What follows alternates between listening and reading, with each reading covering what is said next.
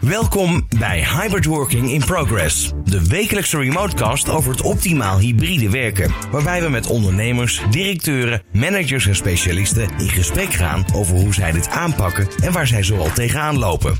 We zoomen in op de nieuwe werkplek, verbinding houden, technieken, management tools, HR-vraagstukken, cybersecurity en nog veel meer. Elke keer weer een andere invalshoek en stof tot nadenken.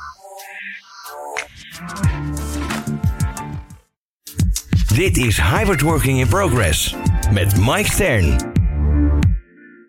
Welkom bij deze nieuwe aflevering van Hybrid Working in Progress. Hoe gaan we met hybride en asynchroon werk om? Daar is in de afgelopen periode al veel over te doen geweest, want remote working is here to. Maar waarom hebben nog veel bedrijven en organisaties het moeilijk met de implementatie? Wat werkt wel en wat werkt niet en waar ligt dat aan? Daarover ga ik vandaag in gesprek met mijn gast. En in de studio hebben we aan tafel Erik Hartzink, directeur bij Communicatief. En Erik, wij zijn bij jullie in eigen huis. Uh, correct, hartstikke leuk. Welkom. Welkom in je eigen studio. ja, hartstikke leuk. Ja, deze remote cast wordt uh, opgenomen vanuit de studio's van uh, Communicatief in Almere. Wat doe jij precies binnen jouw functie binnen Communicatief?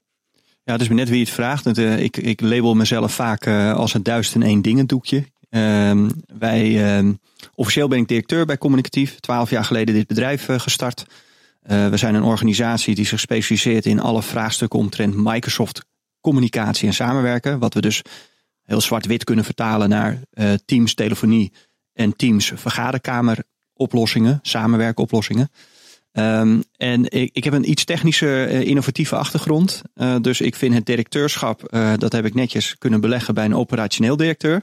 En ik ben dan voornamelijk zelf bezig met R&D en, en klantvraagstukken. Hoe kan je nou van waar je staat de stappen pragmatisch maken naar een gewenste toekomst? En als je daar kijkt, hè, want eh, techniek wordt eigenlijk alles bepalend straks in de toekomst. Wat zijn de meest belangrijke en grootste trends die je op dit moment ziet? Nou ja, wij zien dat heel veel bedrijven willen ergens heen. Uh, men heeft een, eh, een, een, visie over van uh, we, we, willen ergens staan, we willen die uh, gebruiker ondersteunen in het hybride werken vraagstuk wat er bij zo'n organisatie leeft. Enkel zien we in de praktijk dat ontzettend veel organisaties een bepaalde legacy infrastructuur hebben. Uh, in welke vorm dan ook. Of dat het infrastructuur, of dat het uh, softwarematig is, of dat het laptops zijn of geen laptops überhaupt. ja, hoe ga je dan die mensen ondersteunen in dat nieuwe vraagstuk van een mobiele medewerker eigenlijk? Ja, zeg, dit jaar werkte het Futurum Research en Microsoft samen aan een wereldwijd onderzoek om de huidige staat van de werkplek beter te begrijpen. Ja. En wat je daar in dat onderzoek onder meer terug ziet komen is dat zeg maar 80% van de ondervraagden bezig zijn om hun kantoor fysiek te herstructureren, om het maar zo te zeggen. En om ongebruikte vergaderruimte beter te benutten. Kortom, de toekomst van werk betekent minder overhead, minder productiviteit. Of meer productiviteit, sorry. Hoe moeten we dat in de praktijk zien, die hele nieuwe setting? Nou ja, ik kan natuurlijk alleen maar praten uit wat wij hier zien. Hè? Uh, want ik denk uh -huh. dat een deel daarvan ook cultuurgebonden is. Dat dat verschilt per, uh, per land. Uh, en, en cultuurvorming die in ja. zo'n land uh, plaatsvindt. Maar wat wij hier in Nederland veel, uh, veel terugzien, is dat heel veel bedrijven eigenlijk aan het kijken zijn: hoe kunnen wij die werknemer optimaal in zijn kracht zetten? Hoe krijgen we hem eigenlijk ook weer terug naar kantoor? Hè? Want we zijn allemaal verliefd geworden van het, het thuiswerken. maar dat, dat heeft vaak ook een oorsprong. Zo'n medewerker heeft zijn thuiswerkplek optimaal ingericht in twee jaar tijd. Want we zijn toch wel een behoorlijke tijd eruit geweest. En die komt dan op kantoor en die moet daar een vergadering houden met over het algemeen ja, toch oude apparatuur, oude uh, uh, inrichtingsomgevingen. Eigenlijk iets wat helemaal niet meer matcht met hoe men nu werkt met collega's en samenwerkt met eventueel mensen op afstand. Ja, dan heb je het over techniek. Maar dan is een ander struikelblok daarbij. We gaan natuurlijk het met name even over techniek hebben. Maar is natuurlijk ook het asynchroon werken. Ja. Zes mensen zijn naar het kantoor gekomen, acht zitten er thuis. Ja. Hoe ga je dat nou inregelen? Want dat geeft scheve gezichten, dat geeft frictie. Nou ja, asynchroon werken staat natuurlijk voor dat jij uh, een mogelijkheid biedt dat mensen uh, bijvoorbeeld uh, de meeting later kunnen terugkijken of content later kunnen terugkijken of op een gewenst tijdstip dat ze zelf willen content of data kunnen inzien en bewerken. Ehm, ik, ik zit daar altijd een beetje dubbel in, want het is een hele mooie hype-term op moment in de markt. Maar asynchroon werken werkt voornamelijk voor bedrijven die groter zijn. Ja, ja. dus uh, heb jij een, uh, een bedrijf met 250 tot 300 medewerkers, dan heb jij over het algemeen geen meeting met twintig uh, collega's. Want dat is veel pragmatischer. Hè? Dan zitten er vijf mensen in een meeting om een besluitvorming te nemen om ergens te komen. En als er dan iemand niet aanwezig is in, in die discussie, dan wordt asynchroon werken een stukje moeilijker. Ik ga niet zeggen dat het helemaal niet kan. Maar een organisatie met 20.000 medewerkers, ja, daar is het veel uh, een, een gewoner uh, om terug te zien dat er wat grotere uh, bestuursoverleggen of organen zijn. Um, en als dan niet iedereen direct aanwezig kan zijn en het later kan terugkijken en daarop kan antwoorden of kan reageren, is dat veel logischer. Ja. Uit dat onderzoek komt ook naar voren dat meer organisaties zullen hybride werkcultuur die meer menselijke verbinding tot stand brengt, gaan creëren. Dat is best wel een uitdaging. Wat, wat moeten we hierbij voorstellen? Um, ik, ik, denk dat dat een van de grootste uitdagingen überhaupt in de markt is. Hè. Ja.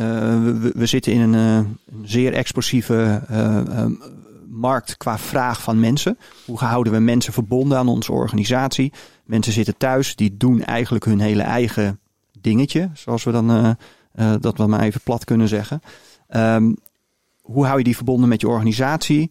Hoe hou je die ook in lijn met jouw processen en, en, en um, um, uh, ja, compliancy-achtige vraagstukken. Security is de laatste tijd heel erg om opgekomen. Ja. Maar de mens, hoe ga je ook om met de mens? Het sociale vraagstuk omtrent de mens.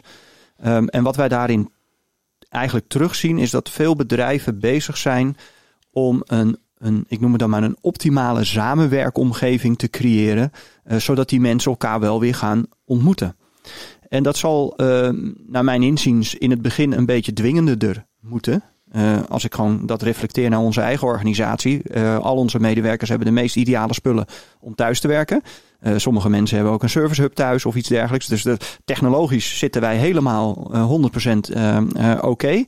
En toch zie je dat je mensen echt met elkaar in verbinding moet brengen. Door ze gewoon eigenlijk te stellen: joh, we gaan nu even met een groepje iets anders doen, maar dan wel op een bepaalde locatie en met elkaar. Ja, moet het alleen niet zo zijn zoals je nu bij veel bedrijven ziet. Hè? Bijvoorbeeld Apple uh, en ABN AMRO Bank. Die hebben al ingesteld dat uh, medewerkers minimaal drie dagen terug uh, naar kantoor toe moeten. Um, nou, of dat stand houdt, moeten we afwachten. Alleen geven ze daarbij ook aan dat sowieso iedereen dinsdag en donderdag naar kantoor toe moet. Ja, dan zitten we allemaal op dinsdag en donderdag, als iedereen dat gaat kopiëren, ook weer in de file. En krijg je weer een overload overal. Nou, wat jij net zei, Erik, heb ik even een vraag, want dat, dat boeit mij wel. Jij zei op een gegeven moment uh, sociale vraagstukken, de mens, dat dat heel erg belangrijk in dit proces is. Vaak als je al over techniek hebt, dan, dan denkt men daar niet uh, direct aan. En als je kijkt uh, dat volgens een onderzoek van Asana voelen 42% van de werknemers zich opgebrand op dit moment. Ja.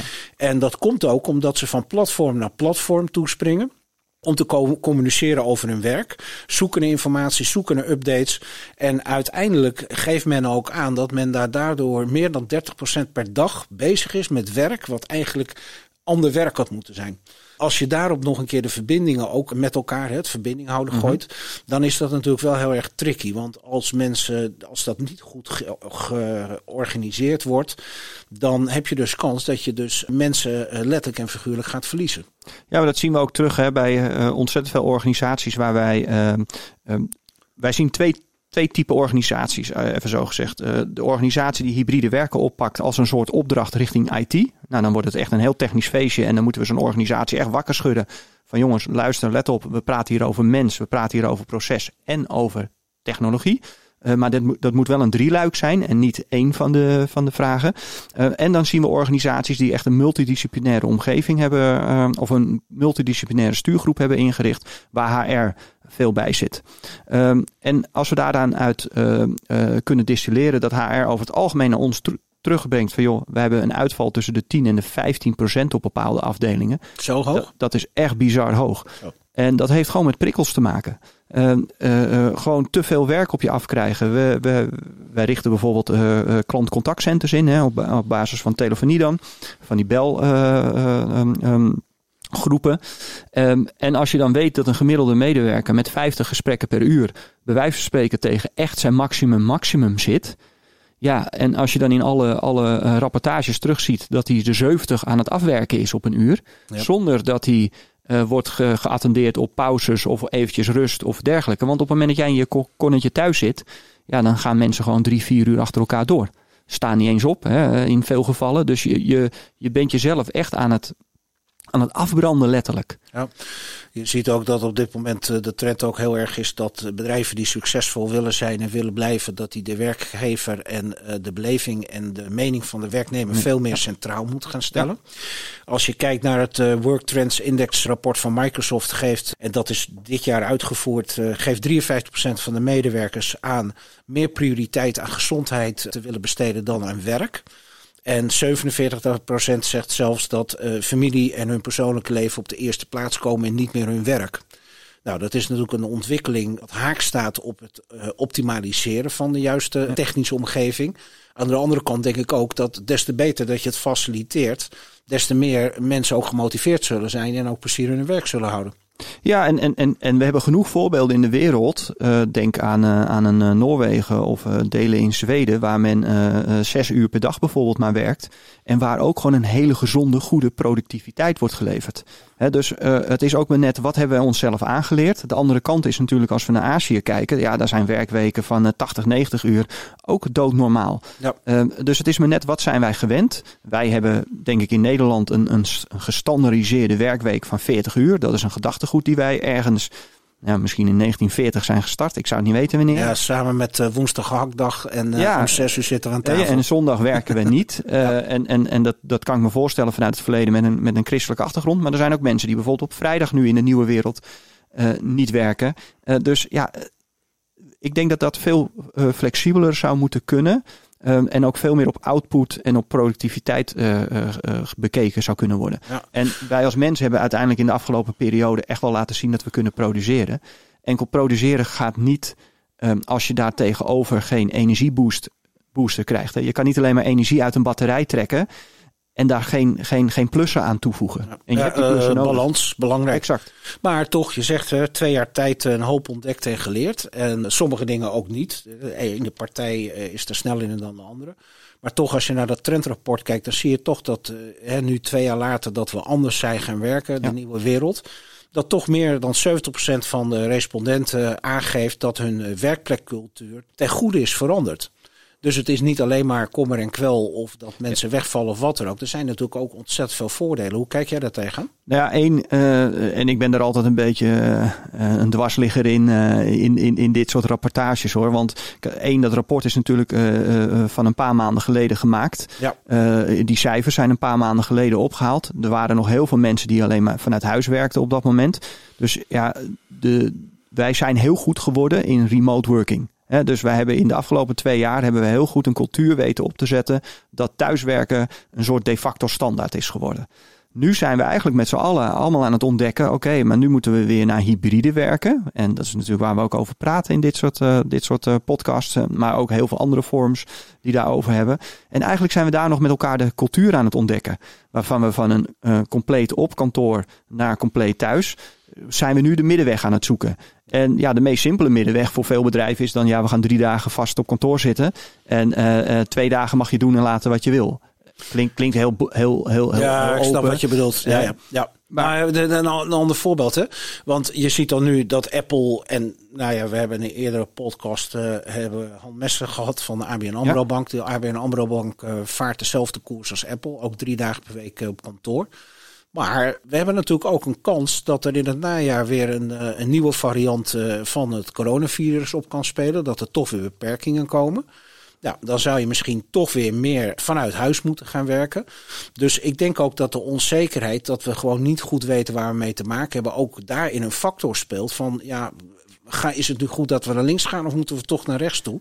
Ja, ik denk dat de belangrijkste factor hierin niet zozeer uh, het toekomstbeeld een, een pandemie nog is. Hè, want daar hebben we ons best wel op kunnen weren. En tuurlijk, de, de, de, de, de micro-ondernemer heeft hier in sommige gevallen echt wel last van gehad. Hè? Een restauranteigenaar of dergelijke.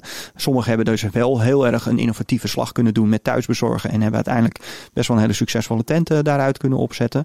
Maar de, de, het gemiddelde bedrijfsleven heeft eigenlijk minimale impact, als we het dan maar zo mogen zeggen, uh, gehad over in die pandemie. Ja, men heeft impact gehad, maar men is ook een gigantische versnelling aan innovatie doorgegaan. We, sommige bedrijven zijn misschien wel 10 tot 20 jaar vooruit gegaan in de tijd, in, uh, in, in twee jaar tijd. Um, ik denk dat de grootste uitdaging en het grootste probleem in de huidige markt is, uh, is feitelijk de, de, de arbeidsmarkt. En wij zitten momenteel in een situatie dat we blij moeten zijn dat er iemand solliciteert, überhaupt op een, op een vacature. en zolang dat de scenario is, zullen werkgevers zich meer moeten gaan buigen over de wens van het personeel. Want je wil nieuwe mensen aannemen. Je, je zit nog steeds in een groeivraagstuk. Of misschien wel in een verandervraagstuk.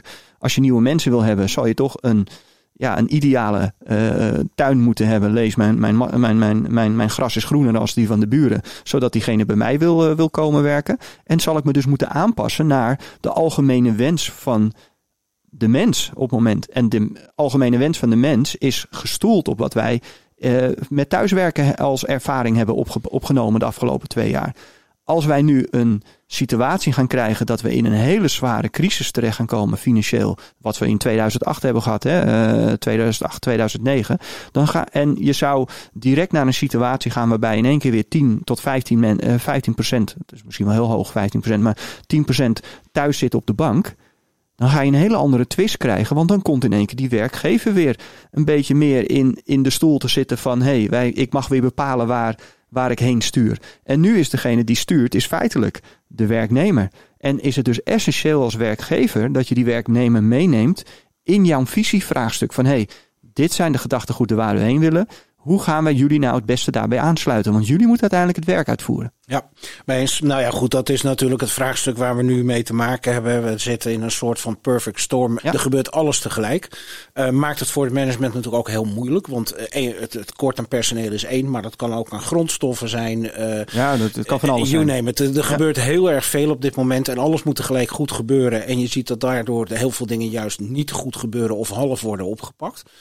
En, ja, en, en dat is soms niet eens bewust, hè? Want nee, nee. men start iets en komt eigenlijk in een soort domino-effect, zoals ik dat dan zelf altijd noem. Uh, we, we, we, we, raken één steentje aan en daarna gaat de hele, de, de hele rij gaat om. De omdat men bekende rabbit hole. Uh. Ja, omdat men gewoon eigenlijk niet het, de, het idee en de impact uh, goed op het snotje had. Van hé, hey, als ik dit start, Welke gevolgen heeft dat? Als je dat zegt, hè, want we zijn, uh, wat je net heel treffend zei, in een soort uh, rollercoaster terechtgekomen. Een soort sneltreinvaart, waardoor alles in één keer veel sneller moest dan dat bedrijven gewend waren. Uh, techniek speelt daar een enorme belangrijke rol. Ja. houdt ook in dat heel veel managers van bedrijven ja, met vraagstukken te maken krijgen waar ze nog nooit van gehoord hebben of nog nooit mee te maken hebben gehad. Ik kan me voorstellen, als ik bijvoorbeeld kijk naar jullie als bedrijf, dat het soms heel erg lastig kan zijn. Want je moet eerst eigenlijk het nut verkopen, dan moet je het product nog een keer verkopen. Dus je zit altijd in een soort tandem eh, waarbij of het voordeel is dat men denkt, zij weten het, dus het zal wel, dus doe maar. Of je krijgt juist een enorme vertraging omdat men niet goed het nut ervan ziet hoe je dingen implementeert. Eh, is dat herkenbaar in de praktijk dat jullie ook anders de markt in moeten om beter te informeren en te ondersteunen? Ja, 100%. Kijk, wij zijn uh, zeg maar tot twee jaar geleden uh, was onze contactpersoon in 99% van de gevallen de IT-manager. Nou, wij hebben een propositie en die propositie praatte volledig de taal IT-manager. Dus de IT-manager kwam al dan niet met een vraag of met een latente behoefte. En daar wisten we direct op te acteren dan wel te handelen. Um, en in de afgelopen twee jaar hebben wij onze propositie ook moeten herontdekken. Want hoe gaan wij het verhaal naar buiten brengen? Hoe gaan wij die, eh, die, die, die vlaggen laten, laten wapperen? Op het moment dat wij naast IT plotseling een, een business unit manager en een, of een HR eh, manager aan tafel krijgen. Want elk traject wat we nu doen, zelfs de vergaderkamer, hè, vraagstukken, wordt nu bekeken. Niet alleen vanuit IT, maar we hebben facilitair, we hebben IT, we hebben de business en we hebben HR. Uh, en daarnaast hebben we vaak nog een security officer, want die moeten natuurlijk ook wat van vinden. Uh, is alles compliant en secure, uh, secure? Lukt dat overigens in de praktijk ook? Is dat besef er wel om die mensen ook tegelijkertijd bij belangrijke meetings aan tafel te krijgen? Of, Heel moeilijk. Dat betekent ook dat jullie offerte doorlooptijd enorm uitgerekt is. Ja, wat wij zien is dat dat zeg maar tussen de ja, vier tot acht weken, wat, wat een beetje een, een standaard was in het verleden. bij een uh, niet bij een latente behoefte, maar bij een directe behoefte. Uh, dat is nu uh, gemiddeld vier tot zes maanden geworden. Zo, dat scheelt enorm. Dat is, dat is echt behoorlijk, ja. ja. Even een andere vraag, hè, want dat is natuurlijk wat er gebeurt. Er is in de afgelopen periode natuurlijk ook zo'n situatie ontstaan van in de land de blinde is één oog koning. Ja. Sommige managers hebben zich ook op die manier laten leiden, maar er zijn natuurlijk ook heel veel managers die zoiets hadden van ja, ho, ho, ho, voor, ik moet eerst eens even goed van de hoed en de rand weten voordat we hier überhaupt een klap op gaan geven. Dat houdt ook in dat er voor jullie, en niet alleen voor jullie, maar voor heel veel partijen een enorme uitdaging ligt. Want je ziet op een gegeven moment dat automatisering, dat is echt enorm belangrijk geworden. De, eh, ja, precies. De strategie moet echt rondom de automatisering gaan, uh, gaan draaien. Als je daar naar kijkt, dan zie je dingen voorbij komen als een uh, artificial intelligence, virtual reality de metaverse. Allemaal geweldige termen. En de luisteraar zit nu waarschijnlijk met zijn oren te klapperen. Kan jij ons dus een klein beetje meenemen als we eens beginnen bij de artificial eh, intelligence? Wat, wat moeten mensen zich daarbij bedenken? Wat gaat er op ons afkomen? Ja, kijk, ik kan alleen praten natuurlijk vanuit onze expertise. Hè. Dus uh, laten we het eventjes op een vergaderruimte enden. En ik probeer altijd dit soort dingen. En dat is ook een beetje wat mijn rol is binnen deze organisatie. Ik probeer altijd zo in Jip en Janneke mogelijk degene aan de andere kant van de tafel uh, moeilijke technologie uit te leggen. Uh, dus ja, ik probeer het zo simpel mogelijk toe te lichten. En als we dan bijvoorbeeld een, een artificial intelligence kijken, wat we AI in de markt uh, noemen, um, dan vind ik het altijd heel interessant om dat gewoon op basis van voorbeelden die zo pragmatisch mogelijk uh, liggen uit te leggen. Ja. Maar je kan je bijvoorbeeld voorstellen dat als wij gaan kijken naar de huidige markt. Um, en je loopt een, een vraag, vergaderkamer in en je zit daar met zes collega's in een vergaderruimte. Um, en je zit met iemand thuis te werken. Um, dat diegene thuis niet op afstand kan zien wat jouw emotie is, bijvoorbeeld.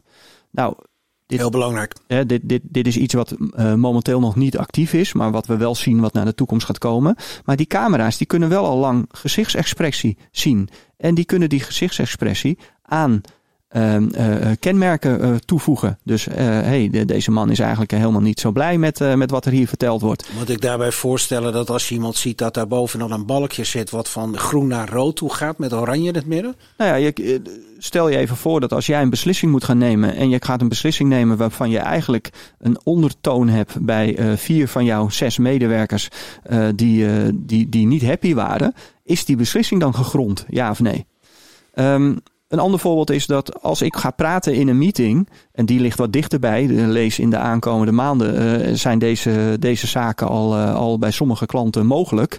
Um, dan kan door, door middel van uh, fingerprint van je stem, dus je, je neemt een klein stukje stem op um, um, in jouw IT-omgeving, in jouw, in jouw bedrijfsomgeving.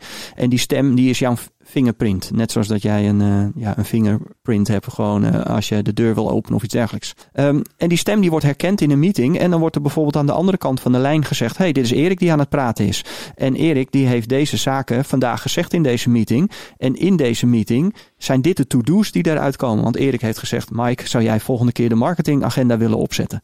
En die komt dan weer netjes bij jou erin.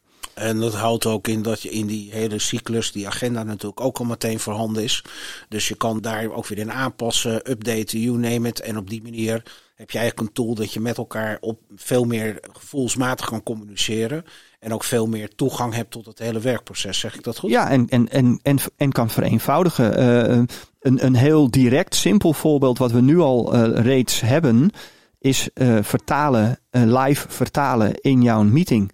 En dan zou je denken, wat heeft dat met AI te maken? Uh, dat heeft in zoverre met AI te maken dat die, um, um, die tooling aan de achterkant, die dus die live vertaling doet. Dus stel dat wij met een stel Chinezen hier in een vergadering zitten, dan kunnen die mensen in het Chinees praten en dan krijgen wij het bijvoorbeeld in het ondertiteld in het Nederlands uh, terug. En als wij in het Nederlands praten, krijgen hun het in het Chinees terug. Maar die software, die tool die daarachter zit, die dat doet, die is zelflerend. Dus die gaat steeds intelligenter worden op basis van de meetings van, van zo'n organisatie. En op basis van woorden en phrases van het internet. Wat welke vertaling is. Ja, geweldig. Eigenlijk is dit alleen maar fantastisch om te horen. Want het maakt het allemaal zo'n stuk makkelijker. Zeker als je internationaal werkt. Als we dan bijvoorbeeld kijken naar virtual reality, hè? Wat, wat zie je daar voor ontwikkelingen?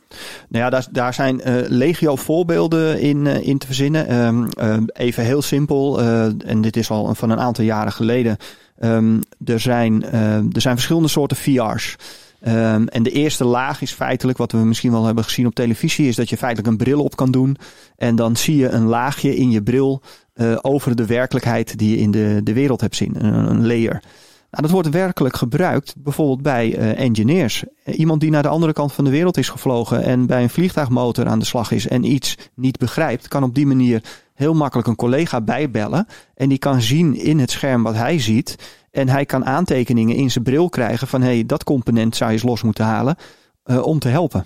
Is dat hetzelfde? Ik heb dat volgens mij wel eens gezien dat bijvoorbeeld chirurgen dat ook doen. Ja. Dat de chirurg door een collega hier, of nee, een chirurg, chirurg hier door een collega in Amerika die meekijkt en uh, En zelfs kan ondersteunen. Hè? Ja, dus, ja, ja, uh, dat hij dus ook zeg maar, de bediening doet van de robot die in de operatiekamer misschien wel 15.000 kilometer verderop staat.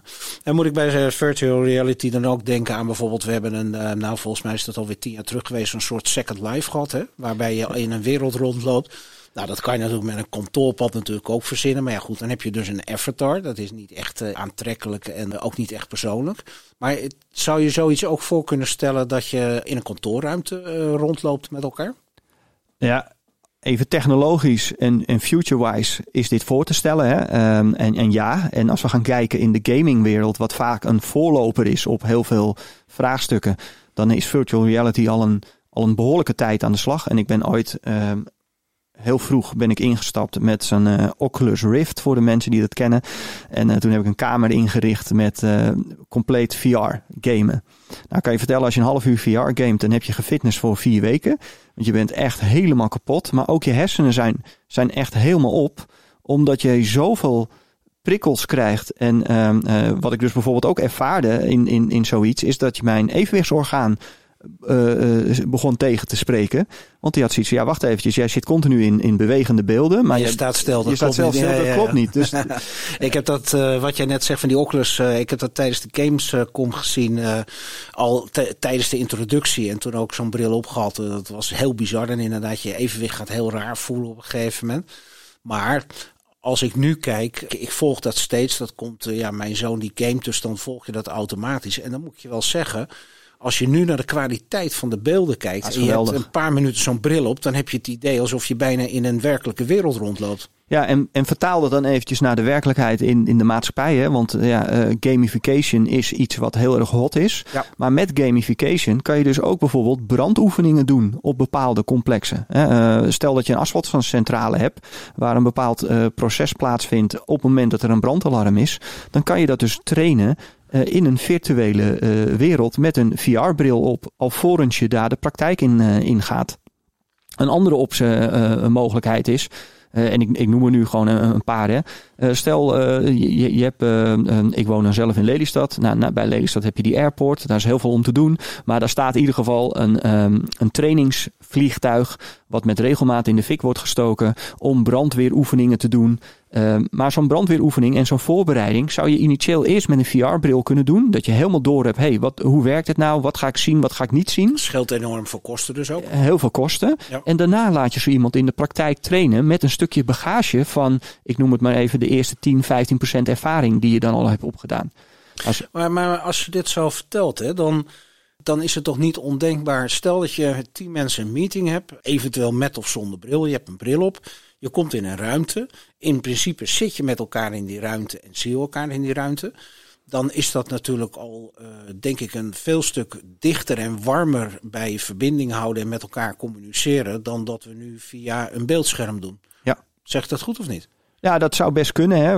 Uh, um, en ik, ik geloof ook wel dat dat een toekomst heeft. Ga ik uit dat, dat die graphics zo hoog zijn. Hè? Dus dat het bijna, ja, ja, ik weet niet of het goed zeg, maar een poppetje bijna gewoon een mens lijkt. Dan, dan... Ja, bijna een, bijna een hologram eigenlijk. Precies, die zocht ik even, een hologram. Ja, ja de, daar zijn ook testen mee geweest. En er zijn ook bedrijven die zich daardoor... Ik heb dat ook wel eens gezien. En alsof iemand net naast je zit in, het, in, in een soort lichtverschijning. Heel apart. Um, de vraag is alleen, waar staan wij zelf? Hè? En, en uh, ik geloof wel dat dit soort dingen naar de toekomst een, een, um, uh, een mogelijkheid hebben. Maar dan praat ik echt minimaal over 10, 15 jaar. En, en waarom zeg ik dit zo, zo, zo, zo, uh, zo hard?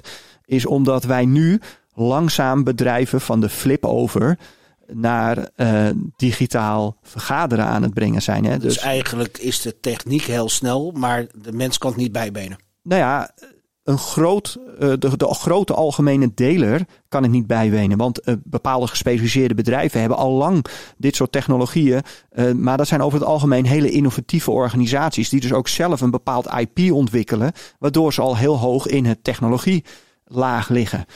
Dat is wel grappig dat je dat zegt. Want ik heb, ik heb echt het, het begin van het internet meegemaakt. En ja, de mobiele telefoon. En op een gegeven moment kreeg je de smartphone. En dat hele proces. En als ik dat terugkijk, dan zie je dat dat helemaal niet zo snel gaat. Dat eer dat iedereen met een smartphone rondloopt, hè, van de eerste telefoons naar een smartphone toen, daar gaan jaren overheen. Terwijl uiteindelijk was die techniek, die was er al lang. Maar men kan het gewoon niet zo snel adopteren of implementeren hoe je wil. Hè, dus ook op consumerniveau. Als je volgens mij was het 2007 dat de eerste smartphone was geïntroduceerd door dat, Apple. Uh, oh, dat zou kunnen. Voor consumer dan, hè? Ja, ja. Ik had, ik had de BlackBerry hier gedacht. Maar dat is nog niet zo lang geleden, hè? Nee, nee, dat bedoel ik. Dat klopt inderdaad. Maar waarom ik er ook op kom, is een ander punt. Dat als je kijkt, hè, want ik zet dan techniek over uh, te techniek versus managementprocessen. Als je dan kijkt bijvoorbeeld uh, naar wat al vaker uit de sprake is gekomen, dat er ook heel veel organisaties nog silo-structuren ja. georganiseerd zijn dat remt volgens mij ook enorm in dit soort processen. Dat jij zal ook in de markt zien dat je verschillende type bedrijven hebt waar het een het heel snel oppakt, adopteert en mee werkt. En anderen die het net zo snel op hadden kunnen pakken. Dat je misschien een anderhalf jaar denkt van ja jongens, kom op. Het is allemaal niet zo ingewikkeld. Even je tanden op elkaar en doorpakken. Nou ja, er zijn altijd wel redenen waarom iets niet kan. Hè? Laten we dat voor, voorop stellen. Um, wat je alleen ziet is dat heel veel bedrijven. Hè, uh, en, en ik, ik moet er even op nuanceren. Wij leveren onze dienstverlening op bedrijven die 250, uh, uh, minimaal 250 werkplekken heeft tot nou, zeg even 15.000, 20.000 werkplekken. Dat is een beetje de, de, de, de core waar we in zitten. Um, en als je gewoon gaat kijken bij dat soort bedrijven, zie je over het algemeen op de managementlaag en met alle respect toch altijd een oudere generatie zitten. Het, ik ga niet zeggen dat het bij alle bedrijven zo is, maar meestal zit er een oudere generatie in het, in het, uh, in het daadwerkelijke C-level. Uh, um, um, en zie je dat daar veelal een beperktere digitale vaardigheid is of kennis. Dat is, uh, dat is heel herkenbaar. En wat is oud, laten we dat in het midden laten. Maar zij hebben uh, dat op school in een opleiding nee, helemaal niks van meegekregen. En dat is niet erg, hè? maar ik denk wel dat bedrijven van de toekomst um, bestuurd zouden moeten worden door uh, mensen die in ieder geval begrijpen dat technologie iets voor je kan betekenen zonder dat je het vanuit een technologieas gaat aanpakken. Ja. Um, en um, uh, ik neem even een voorbeeld, hybride werken, uh, uh, vergaderkamers. Wij, ik denk dat de huidige business die wij doen, ongeveer 85% van ons werk momenteel het optimaliseren van die traditionele vergaderkamer met flip-over naar een vergaderruimte is met, met camera's voor teams. Nou, superleuk werk, maar het is wel als een opdracht vanuit de board naar een afdeling geplaatst. En op het moment dat wij dan eigenlijk zeggen, ja, maar wij zouden heel graag die mensen op, op, op C of C-1 mee willen nemen. Want zij zijn eigenlijk de, de, de voordrager van de organisatie voor deze verandering. Hè. Dus als je die mens mee wil nemen, laat die mensen dus de, de, de kar gaan trekken. In ieder geval in, in, het, in het interne communicatieverhaal. Ja, dan zie je dat die mensen heel snel zoiets hebben. Ja, wacht even, wat, wat moet ik hier dan? Dit was niet de bedoeling dat ik ook mee moet doen. Ik, heb het toch als, ik heb het eigenlijk als een, ja, ik noem het dan maar even een facilitair projectje uh, in de organisatie geplaatst. Maar... Nou, daar speelt natuurlijk nog iets mee. Hè? Als je ook kijkt, en uh, als ik even terugkijk naar zeker de periode waar we nu uitkomen, dat je op een gegeven moment na een half jaar of een jaar ziet dat mensen in een meeting, laat ik hem even een Teams meeting noemen, nog niet eens in staat zijn om iets van hun bureaublad af te halen, ja, dan ben je, word je ook niet meer echt serieus genomen. Dus ik denk ook dat het management zelf ook mee moet.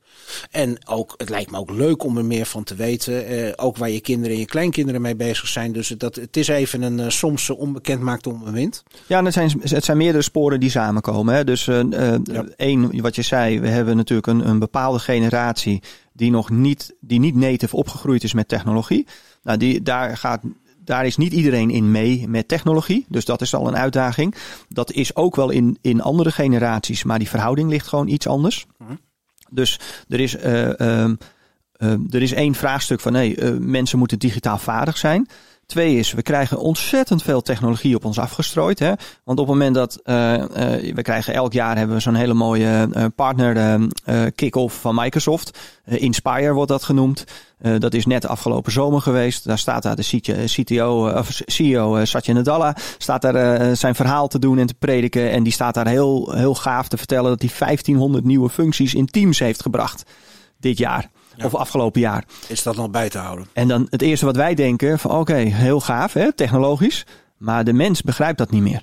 Nee, plus het feit dat een, een deel van de mens, om het maar zo te noemen, überhaupt nog in de kinderschoenen staat. Ja. En dus je hebt een inhaalslag. En als je dan het ingehaald zou hebben, dan gaan de ontwikkelingen zo snel dat eigenlijk wat jij zegt dat iedereen uh, de uitdaging nu voor zichzelf heeft om zich daar meer in te gaan verdiepen en ook wat meer bij te blijven. Ja, als organisatie ben je bijna verplicht, of in ieder geval, uh, ja, ik stel het eigenlijk altijd zo, want ik probeer altijd heel zwart-wit te zijn, want dan zijn er geen grijs uh, gebieden. Maar eigenlijk als organisatie ben je verplicht om een continu learning aan te gaan van jouw medewerkers en ze digitaal vaardig te houden.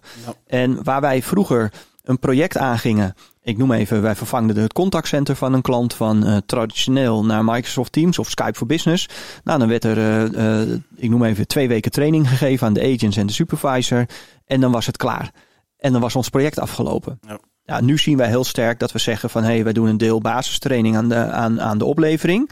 Maar daarna komen wij elke maand of elke twee maanden een halve dag terug of een dag terug. Of je doet dat met filmpjes of op welke manier dan ook. Maar je zal die curve van leren continu moeten blijven ondersteunen gedurende de looptijd van eigenlijk de producten die je in, je in huis hebt genomen. Simpel gezegd, wel of niet slagen en het succes zit tussen de bureaustoel en het beeldscherm in. Ja, uiteindelijk wel. Hè? Want, want ze kunnen eh, miljoenen aan budget allokeren. Ze kunnen overal akkoord opgeven. Maar als die eh, medewerker uiteindelijk niet um, um, ja, feitelijk dat setje krijgt in alle vormen en die what's in it for me beantwoord krijgt, gaat die niet bewegen. Nee. Eh, dan, uh, om het dan nog even nog complexer te maken, dan pakken we de metaverse er ook Oh ja. kan je daar iets over, voor degene die misschien even nu met zijn oren zitten klapperen, uh, kan je ze aangeven van wat moeten we ons bij de metaverse voorstellen? Nou ja, kijk, er gaan, uh, de metaverse is feitelijk een soort toekomstig internet, waarbij in plaats van dat wij achter een keyboard uh, uh, en muis uh, op een webpagina klikken, dat we eigenlijk virtueel in een, in een tweede wereld zitten. Um, en daar zijn al heel veel games die dat ook hebben. Hè. Um, um, en en heel simpel, Fortnite is bij heel veel jongeren en ook ouders daardoor bekend, omdat de jongeren daarop speelden. Dat is eigenlijk een virtuele wereld waar iemand als een, als een, een avatar in beweegt. En uh, uh, dan zag je bij Fortnite, want ik vind het altijd een heel mooi voorbeeld.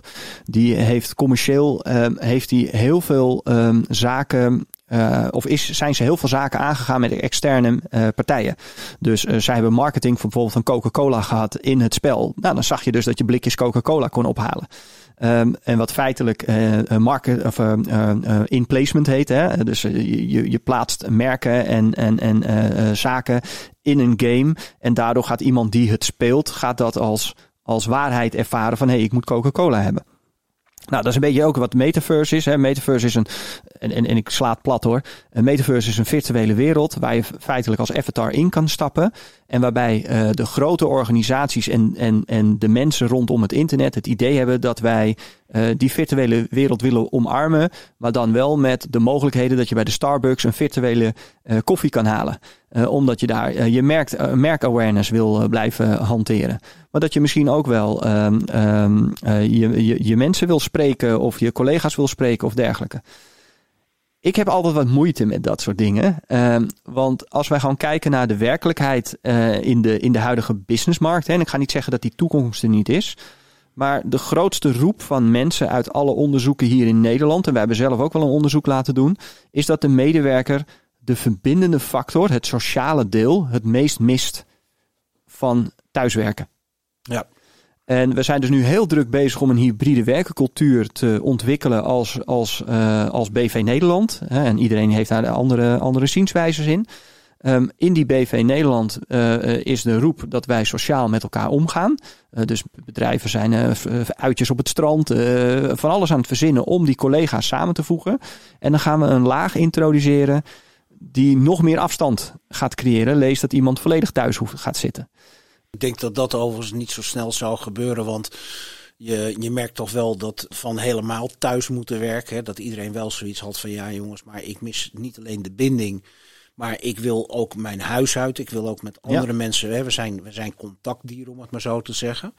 Dus ik denk dat de balans daarin uh, heel erg belangrijk is, maar dat met hetgeen waar we het net over spraken, dat het denk ik toch ook wel iets is dat iedereen heel erg gaat nadenken is van nou, Als je nou niet op dat kantoor werkt, hoe dat er ook uit mag zien, hè, want dat moet inderdaad allemaal ook beter, leuker en niemand wil meer in de TL-hok. Nee, het moet heel aantrekkelijk zijn, want anders heb je geen personeel. Ja, maar dat geldt dan ook voor de thuiswerkomgeving. Hè? Hoe maak je dat zo aantrekkelijk mogelijk en heb je zo'n goed mogelijk gevoel als iedereen in de juiste setting zit? Want op dit moment is nog steeds iedereen tureleurs van alle apps die zijn ontwikkeld. En je zit met iemand te praten, dan komt het chatbericht binnen. En, je wordt helemaal gek. Ja, mensen worden echt knettergek. Dat, dat heeft tijd nodig. Dat gaat niet in één of twee jaar. Dat, dat moet zichzelf vinden. Als je nou naar die hele situatie kijkt. Hè, en we, nou goed, we hebben het net even over IE gehad. We hebben het over virtual reality en net over de metaverse gehad. Als je nu op dit moment kijkt, Erik, wat is een perfecte case die jij nu naar voren toe kan halen wat jullie eh, gedaan of gezien in de markt hebben waar anderen van kunnen leren? Heb je iets dat je zegt van nou, dat vind ik nou toch wel een, situatie of een bedrijf zonder naam en toenaam die dat wel heel erg goed hebben opgepakt? Nou ja, ehm, ik kan een recent voorbeeld ehm, ehm, geven van een, een pensioenfonds uh, waar we actief zijn. wij hebben een, een paar maanden geleden voor Microsoft we, zijn een bepaal, we hebben een bepaalde status uh, in, de, in de markt. En uh, daardoor zijn we uitgenodigd om vanuit Microsoft um, de Future of Work um, workshop te geven. dus we hebben mensen eigenlijk meegenomen in de toekomst van werken bij Microsoft op kantoor. en dan voornamelijk geënt op samenwerken en verbinding creëren in vergaderomgevingen. En vroeger was dat een, een standaard vergaderruimte, maar dat kan eigenlijk in de, in de huidige wereld kan het van alles zijn. Ja. Um, um, deze organisatie hebben we daar, uh, daar eigenlijk leren kennen. Um, die hebben uh, een hybride werkenteam uh, netjes opgezet. hadden eigenlijk alles op papier goed gedaan. En kregen toch moeizaam de medewerker mee. van hey joh, hoe, hoe gaat het nou? Hoe kan het nou? en we staan nu net aan de vooravond om ook al die vergaderkamers uh, te updaten. Maar als ik dit in mijn uh, uh, meeneem als referentiekader, dan weet ik dat dat niet succesvol gaat worden. Want we hebben eigenlijk alles gedaan wat je zou moeten doen. Ze hadden ruimtepaspoortjes, ze hadden echt hele gave dingen gedaan om die medewerker maar te enthousiasmeren. Is dat toevallig het experiment waarvan ook iemand tijdens de summit een presentatie heeft gegeven? Nee. Oké, okay. nou ja, maar er zijn dus meerdere. Nee, ja. je, het klonk echt als een experiment, zeg maar. Want ja. de, is dat zo ook ingezet? Of was dit wel bedoeld om meteen te implementeren en alles door te voeren? Nou ja, wij hebben een iets andere aanpak als de traditionele dozenschuiver, als ik dan zo mag, eh, mag, ja. mag zeggen. Dus uh, wij zijn eigenlijk met deze organisatie het gesprek aangegaan van oké, okay, dit hebben jullie allemaal gedaan. Um, jullie staan aan de vooravond van, van de vervanging van uh, jullie uh, vergaderruimtes. Maar wat is nou feitelijk de werkbehoefte in die ruimtes? En wat kwam daaruit? Ja, daar hebben we, daar hebben we um, uh, een, een, een, kleine anderhalve week consultancy uh, uitgevoerd. Daar wisten zij niet 1, 2, 3 zelf direct antwoord op te geven. Jawel, enkel daar ligt ook meteen het gevaar. Hè? Want dan krijg je het antwoord van de IT-manager. En je krijgt het antwoord van mensen die uh, iets hebben geleverd naar een werkplek. Maar dat wil niet inhouden dat het werkproces ook daadwerkelijk zo plaatsvindt. Ja, precies. Nou, daar kwam eigenlijk uit dat er vijf typen werkscenario's waren in, in die verschillende vergaderbehoeftes. En wij hebben eigenlijk gezegd toen met die, met die organisatie, ondanks dat ze heel veel snelheid wouden maken, want eigenlijk het liefst wouden ze 1 september alles al up en running hebben, want dan kwam iedereen terug van vakantie. En toen hebben we eigenlijk met deze organisatie gezegd van joh, omdat jullie zo in een, in een um, um, uh, situatie zitten waarbij wij jullie de medewerkers willen laten aansluiten, bouw nou eerst één ruimte van elke uh, type werkondersteuning, dus vijf verschillende vergaderkamers. Uh, op basis van, van hetgene wat we hier al uh, hebben geconcludeerd. En uiteraard met een stukje uh, kennis van ons eroverheen hoe je dat dan zou moeten doen. We hebben die vijf ruimtes gebouwd eigenlijk als interne proof of concept ruimtes. En die hebben we laten testen door de medewerkers. En toch kwamen daar dan af en toe nog eens hele interessante dingen uit. Van hé, hey, wacht eventjes. Dan... Ik kan me zo maar voorstellen dat als je nou, moet je mij even corrigeren als ik het verkeerd zeg, maar als je nou dit proces een paar jaar terugnam, dan zet je volgens mij met een facilitair manager aan tafel. Ja, nu... ja die zei ik wil twee schermen, één camera en een microfoon. En, uh, en, ja. en wat is de prijs? Oh, en dit zijn trouwens de typesnummers waar ik op zoek ben. Want ja, ja, ja, ja. Nou, waarom ik daarop kom is dat ik me voor kan stellen dat de beleving vanuit HR, die nu ook aan tafel zit, IT die nu aan tafel zit, facilitair uiteindelijk, nou, misschien ook nog algemeen management dat dat best wel een klus is. Want je krijgt in één keer een interpretatie en beleving vanuit veel meer invalshoeken dan alleen vanuit facilitair. Dat maakt het voor jullie natuurlijk heel erg lastig om dat compact bij elkaar te gaan voegen en tot één werkbaar voorstel uh, advies te maken. Klopt dat? Nou ja, het moeilijkste is dat die mensen uh, op lijn moeten zijn uh, over de visie. Ja. En die kan je alleen maar dezelfde visie of, of in ieder geval hetzelfde punt op de horizon krijgen als men begrijpt waar ze mee bezig zijn en waar ze start. Nou, voor een IT-manager is, is dat vaak heel logisch, want die beste man die zit de hele dag in de techniek. Dus die denkt, oh, maar dat, dat, ik begrijp dat. Ja. Maar uh, vanuit de business en HR is die afstand te vaak. Dat is precies de reden waarom wij eigenlijk een experience center hier in, uh, in Almere hebben gebouwd. We hebben hier 450 vierkante meter, ik noem het maar proeftuin. We hebben alle verschillende disciplines. Uh, een, een, een, speciale ruimte voor leraren. We hebben een hybride trainen. we hebben een, een scrum, scrum ruimte gebouwd. Al dat soort processen hebben we hier gebouwd. niet als een showroom van 14 producten naast elkaar, maar gewoon echt complete werkende ruimtes als een beleving.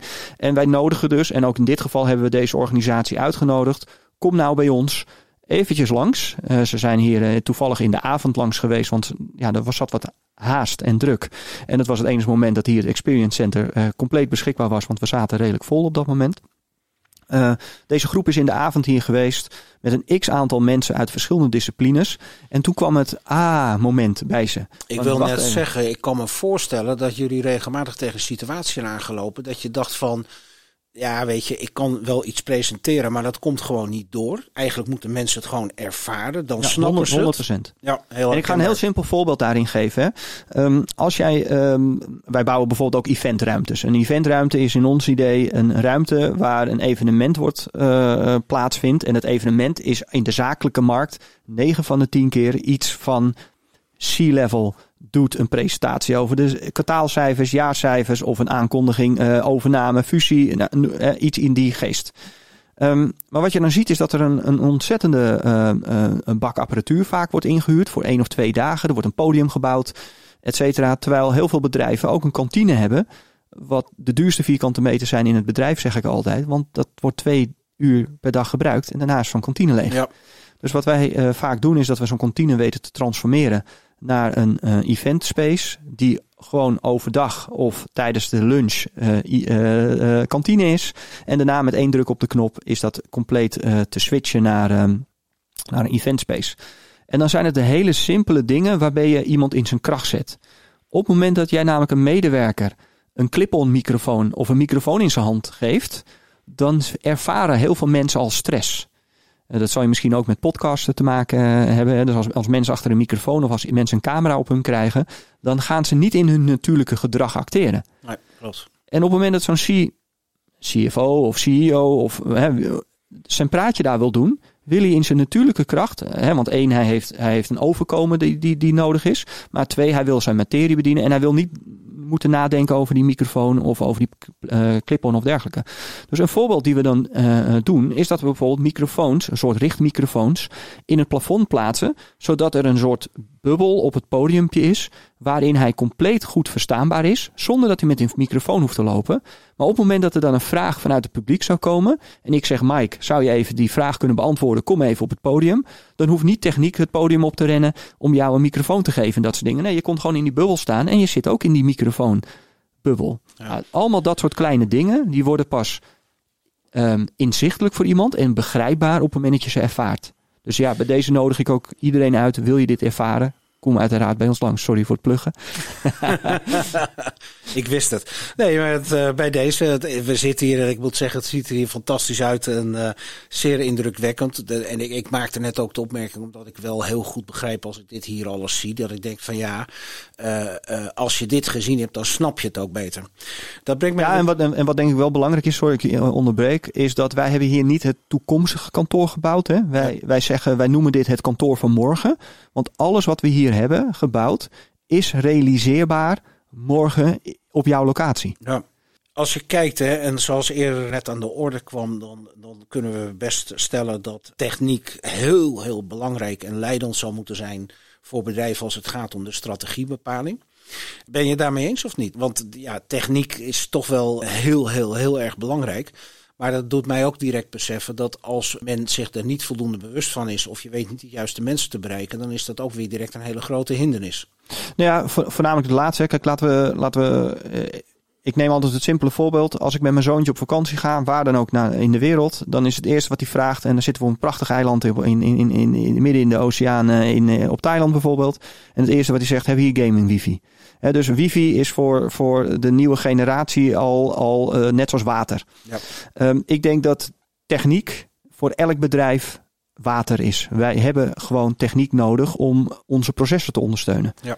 Um, de vraag is alleen welke processen dienen wij te ondersteunen en hoe gaan wij innovatie uh, op die processen te werk, uh, bewerkstelligen. En ik geef daar altijd een heel simpel voorbeeld in um, uh, vanuit de telefonie-tak van sport. En ja, dat is altijd een beetje ook zwart-wit hoe ik daarin zit. Maar er zijn ontzettend veel gemeentes. Uh, laat ik ze maar gewoon met naam noemen, zonder de gemeente zelf. Maar er zijn ontzettend veel gemeentes die zitten met een traditionele telefooncentrale. en ik zeg met nadruk telefooncentrale, dat is dus één kanaal. En die gemeentes zijn aan het overstappen naar Microsoft Teams als communicatiecentrale. dus daar, daar zal uh, telefonie in zitten, maar er zal misschien ook social media integratie in zitten als WhatsApp of dergelijke. Uh, daar zitten in ieder geval meerdere verschillende communicatiekanalen in. En wat gaan ze dan doen? Een adviseur inhuren die 20 jaar in de traditionele telefonie hebben rondgelopen en eigenlijk zelf bijna niks begrijpen van de nieuwe wereld. Dat is toch iemand met zo'n draaischijf op zijn hoofd? Ja, zo wil ik hem nog net niet neerzetten. Maar wij krijgen uh, heel graag een RFP ja, ja. binnen die dus geschreven is in samenwerking met een, een adviseur die eigenlijk niks begrijpt van de nieuwe wereld.